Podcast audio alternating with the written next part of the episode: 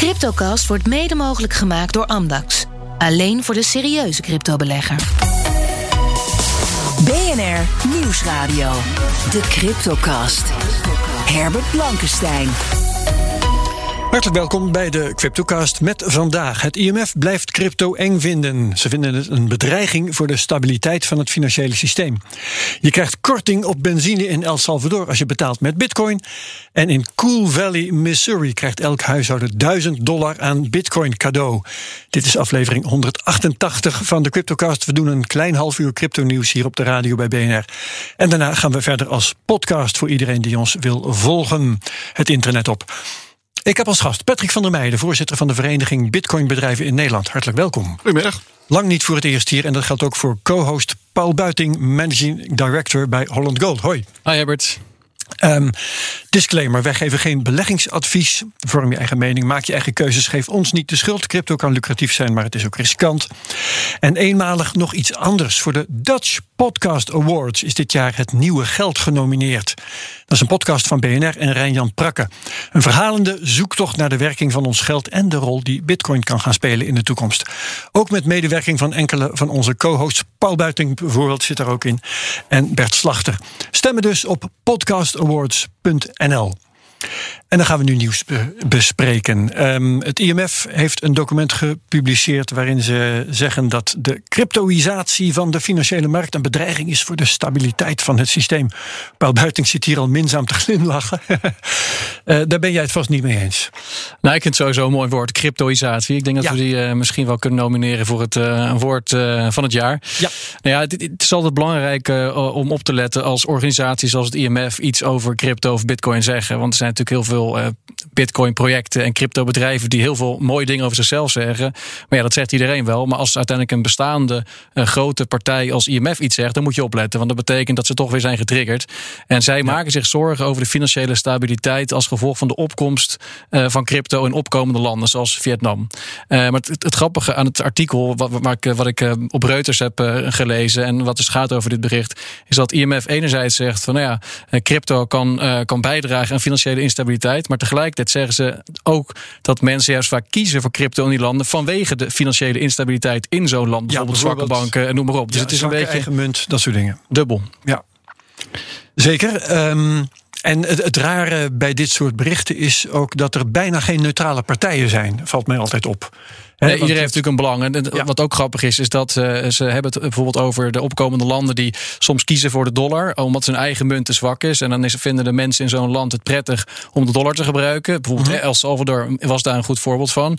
Uh, maar tegelijkertijd kiezen veel mensen in dat soort landen nu ook voor crypto. Uh, omdat dat ook weer stabieler is dan, dan bijvoorbeeld een eigen munt. Als dus dezelfde redenen die mensen gebruiken om de, do, om de dollar te gebruiken, um, geldt ook voor crypto. En voor de dollar is het natuurlijk best wel interessant dat, dat er steeds meer landen nu zijn waar ze ook stablecoins gaan gebruiken, dollar stablecoins. Dus het helpt eigenlijk de verspreiding van, van de dollar als wereldreservemunt.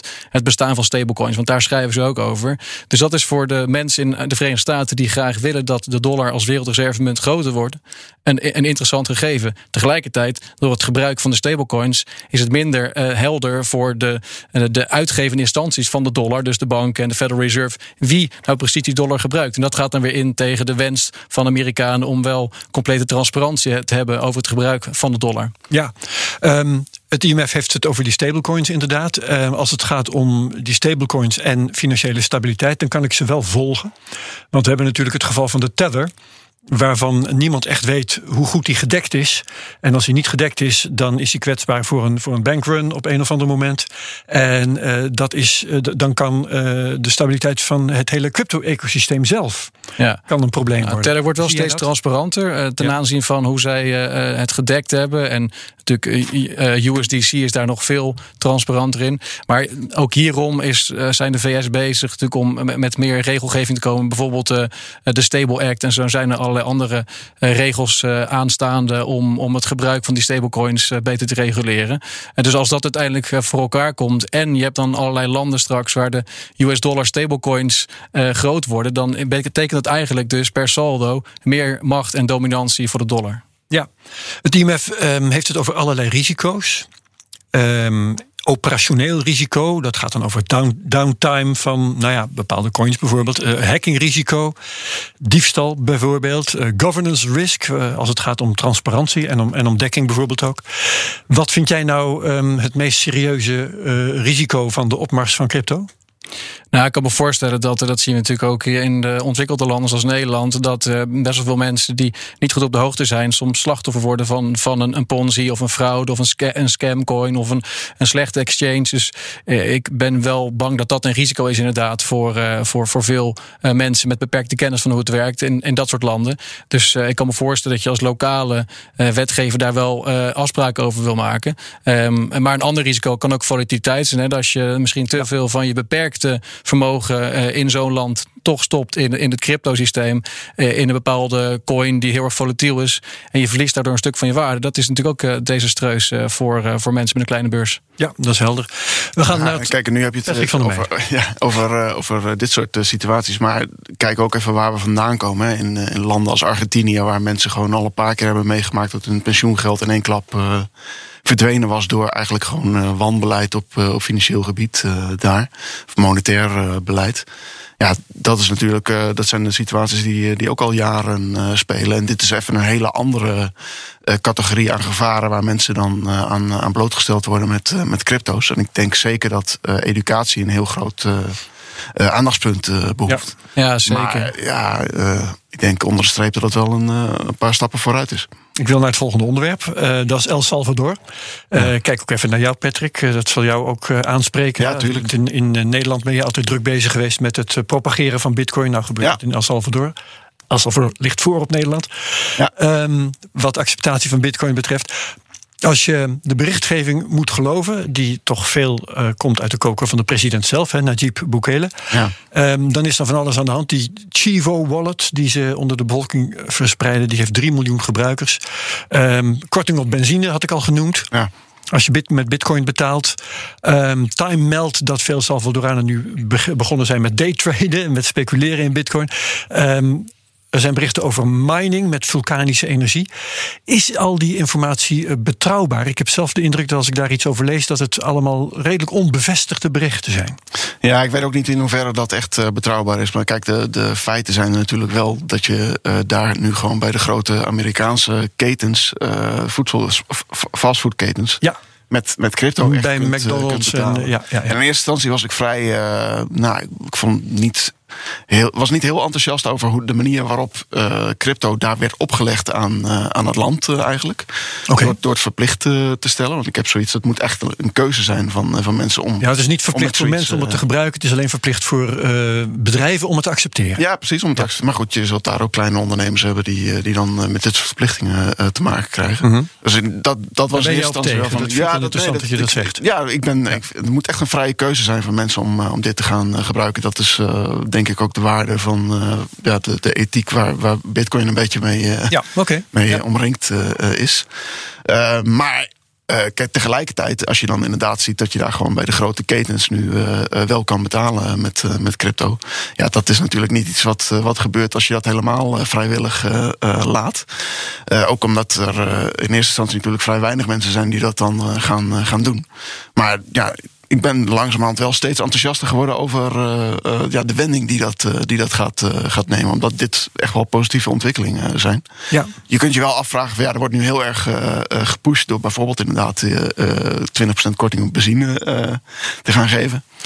Ja, het is wel de manier om ja, mensen zover zeker, te krijgen. Absoluut. Ja. Ik ben wel, ben wel heel erg benieuwd hoe dat, hoe dat gaat, gaat ja. uitpakken. Maar je vraagt je ook weer af wie betaalt dan de rekening. Hè? Want dan moet dan uit de staatskas komen. En dat is misschien ook niet echt ideaal. Het is, uh, het is een hele interessante casus. Ik ben heel benieuwd hoe het over een paar maanden... Ja, ja experiment in het wild. Uh, hoe kijk jij naar de gebeurtenissen in El Salvador, Paul Buitink?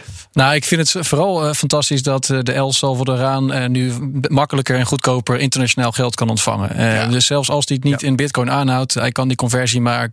En dat is echt een enorme uh, winst ten opzichte van bijvoorbeeld een, een Western Union. Hij hoeft ook niet meer in de bus naar een dorpje ergens in de buurt. Dus dat is, vind ik helemaal top. Ja, hij moet wel naar een bitcoin-automaat ja, als hij het wil inwisselen. Maar goed, dat die zijn er, die zijn er meer dan, uh, dan Western Union kantoren. Ja, dan en, uh, maar wat ik, ja, ik heb nog steeds ook het dubbele gevoel met Bukele zelf. Ik weet ook niet, heeft hij ooit wel eens ehm, openbaar gemaakt hoeveel bitcoin zij zelf heeft. Hè. We hebben Persoonlijk? Ja, want ik, ik, vind wel, dat, dat zou wel een disclaimer moeten zijn. Hè. We weten van Hoekstra, die, die investeert, of investeerde vroeger via de Britse Maagdeilanden. Maar heeft een boek, wat voor belang heeft hij zelf in, in, het, in, het, in het omhoog praten van de koers met zijn acties? En dat, dat zou ik best wel willen weten. Want de dat dip kopen hè, met de staatskas weer. Want op zich heel veel goede dingen daar, maar er zijn ook wel nog steeds de nodige kanttekeningen te plaatsen. Ja, ja, hoewel dit natuurlijk wel. Kijk, ik, ik, ik vind zeker dat dat gewoon openbaar uh, gemaakt uh, zou, uh, zou moeten worden. Ik denk ook eerlijk gezegd niet dat hij zou verbloemen dat hij zelf geen, geen bitcoins. dat hij zelf bitcoins heeft. Het lijkt me dat hij dat, als je dat op de mannen vraagt, dat hij dat wel zou, zou zeggen. Ik ga het hier even afkappen. Want we moeten een keer gaan praten met Bert Slachter, analist bij de digitale nieuwsbrief bitcoinalpha.nl. Bert, hallo. Goedemiddag. Want we bespreken wekelijks met jou de prijzen. Nou, er is genoeg over te melden. Want uh, kort na de vorige CryptoCast uh, begon uh, een, een, flinke stijging.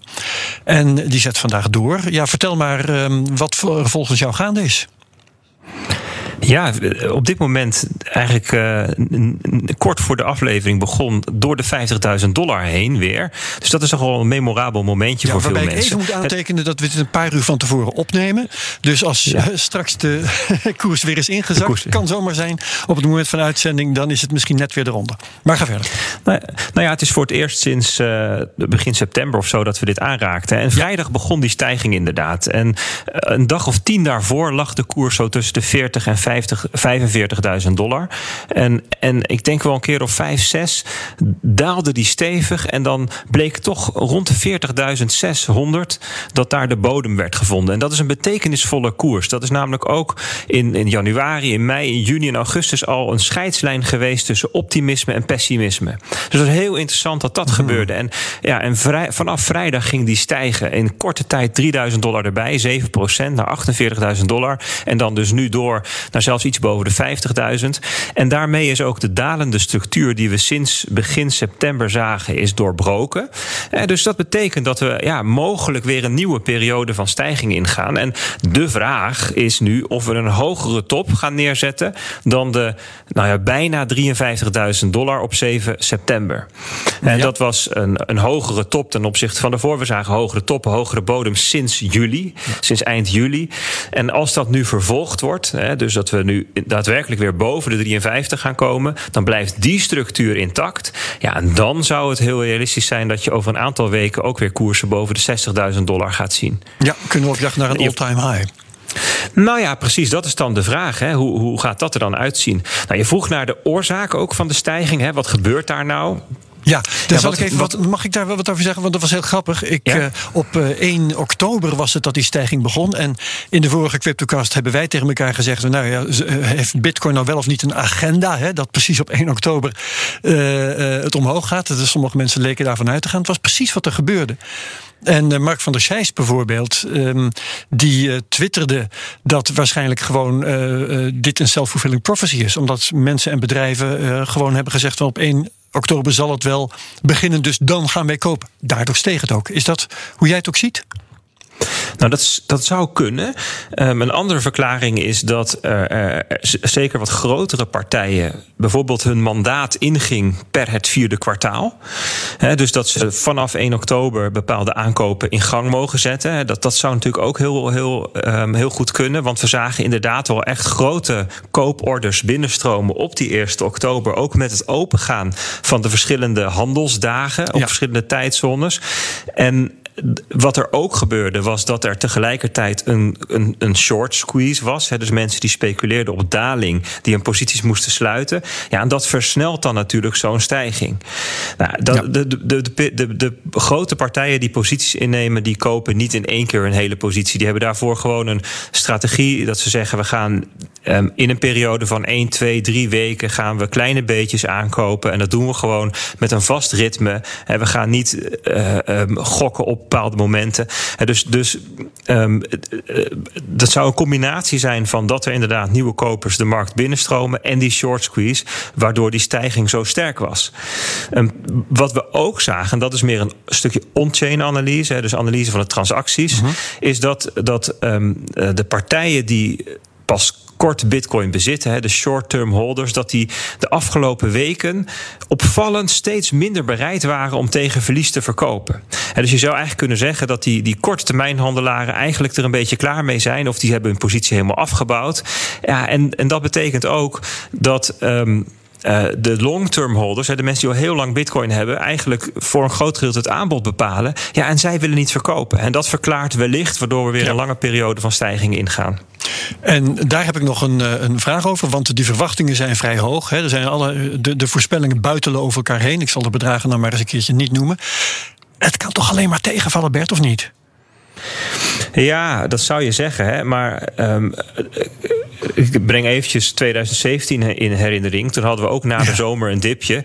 En toen, ja, wat, je, wat kan het? Hè, toen herstelde het van 3 naar 5000 dollar. Kan het nu nog omhoog? Ja, het ging gewoon nog een keer 4.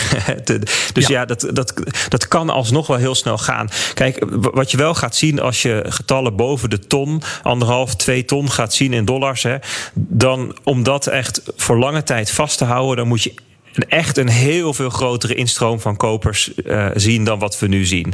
En als dat niet gebeurt, dan zal die prijs ook weer terug naar beneden komen. Hè. Dan, dan zou je dus, als dat gebeurt, gewoon een tijdelijke bubbelvorming zien. Hè. Tijdelijke hype. Dat kan. Hè. Dat gebeurt in alle markten wel eens. Ja. Um, en, en, en, en dat is waar ik op ga letten. Hè. Zie ik nou, als die prijs zo daadwerkelijk zo gaat stijgen, zie ik dan ook de, de, in de data dat dat ook gepaard gaat met echt nieuwe adoptie? Of niet? Ja. Dankjewel Bert Slachter voor je analyse. Meer details zitten in de wekelijkse nieuwsbrief op bitcoinalpha met ph.nl. Um, gaan we verder hier met uh, nieuwtjes. Uh, we gaan het hebben over uh, regelgeving in Amerika. En een van de dingen die ook werd genoemd toen de bitcoin omhoog ging op 1 oktober... was de uitspraak van Jeremy Powell, die ik nu laat horen. Mr. Chairman, as a matter of policy, is it your intention to ban or limit the use of cryptocurrencies like we're seeing in China? No, and and I, I, immediately realized I'd misspoken there. I didn't mean that, that take the word cryptocurrency out of that sentence, and I, and I would say it's fairly widely understood that central bank digital currencies could perform some of the some of the uh, could make. Uh, but no intention to ban. Less. Uh, no intention no, to ban. No intention to ban them, but they're you know the stable coins are are like money market funds. They're like bank deposits, but they're to some extent outside the regulatory perimeter, and it's it's appropriate that they be regulated. Same activity, same regulation. Ja, Jeremy Powell, baas van de Federal Reserve, die uh, wil geen uh, ban, geen verbod op Bitcoin. Um, ja, dat zijn uh, ontwikkelingen in Amerika, Paul Buitink. Um, is, de, is crypto daar nu veilig? Nou ja, dat hangt een beetje eh, per staat af. Uh, sowieso grappig dat Paul zegt van ja, een stuk van die functies kunnen worden ingevuld door eh, central bank digital currencies. Hetzelfde zei de IMF namelijk in het eerder bericht wat we ja, bespraken. Maar dat is natuurlijk uh, zeker niet het geval. Um, maar goed, dat is dollars. Ja, en uh, als je de dollar niet vertrouwt, dan vertrouw je dat ook niet. Exact. Maar ja, verder in de Verenigde Staten zie je wel dat er, met name in Texas, dat het enorm bloeit. Veel, we zagen natuurlijk de, de, de, miners uit China vertrekken, een enorme exodus. Heel veel zijn richting Austin gegaan in Texas. En Texas is echt de, weet je, de crypto-staat nu van, van de Verenigde Staten. Ja, je hebt toch ook Wyoming, je hebt Florida, er zijn een paar crypto-staten. Hè? Ja, maar Texas is natuurlijk echt heel groot. Hè? Texas is de negende of de tiende economie van de wereld met 1,75 biljoen aan, aan uh, bruto binnenlandse product. Uh, groter dan, dan Nederland, twee keer zo groot. Um, en Ted, Ted Cruz, de senator daar, die zal ook bij een evenement verschijnen deze maand. Dus zij zitten echt vol in op crypto. Misschien zelfs dat je daar ook straks je belasting mee kunt betalen. De delen ervan. Dus. En, en, en wat doet dat voor een economie van zo'n staat Texas? Um, is, de, is Texas gunstig voor crypto of is crypto ook gunstig voor Texas? Nee, allebei. Kijk, ja? je eh, krijgt daar natuurlijk een hele eh, mining-industrie nu. Eh, dus dat schept werkgelegenheid en dat zorgt voor bedrijvigheid. Ehm, verder zal je mensen hebben die die kant op gaan om daar te gaan wonen of om daar onderdeel uit te maken van het ecosysteem. Een beetje wat je ook in El Salvador ziet. Crypto startups en zo die het leuk vinden om daar te zitten. Dus ik denk dat het per saldo een, een goede move is voor Texas. Ja, is het belangrijk voor een start-up om te zitten in zo'n staat? Want je kunt uh, je, je cryptobedrijf toch overal hebben? Tuurlijk, maar uiteindelijk het, het elkaar eh, persoonlijk ontmoeten, zoals wij hier vandaag doen, uh, draagt ja. altijd bij aan het, aan het bouwen van relaties en het, uh, en, en het, het vinden van samenwerkingen. Ja. ja, ik denk ook niet dat je je crypto startup overal kan, kan hebben. Nee. Er, zijn nog, er zijn nog wel wat verschillen. Jij zit niet voor niks in Arnhem ja. met je bitkassa. Ja, precies. Nou, dat is dan weer een heel ander verhaal. Maar ja Nou ja, qua regulering uh, in China is het bijvoorbeeld niet mogelijk, uh, uiteraard. Een erg aardig verhaal, daarmee wil ik Amerika dan even afronden, is uh, het verhaal van Cool Valley in Missouri. Waar burgemeester Jason Stewart al zijn inwoners, dat zijn er trouwens maar een stuk of 1200, al zijn huishoudens 1000 dollar in bitcoin wil geven. Spreek dat je aan, Patrick? Nou, dat klinkt, dat klinkt prima inderdaad. Nou ja, gratis geld weggeven, het is, het is wel makkelijk. Hè? Ja, nee, Heeft er blijkbaar een sponsor voor gevonden?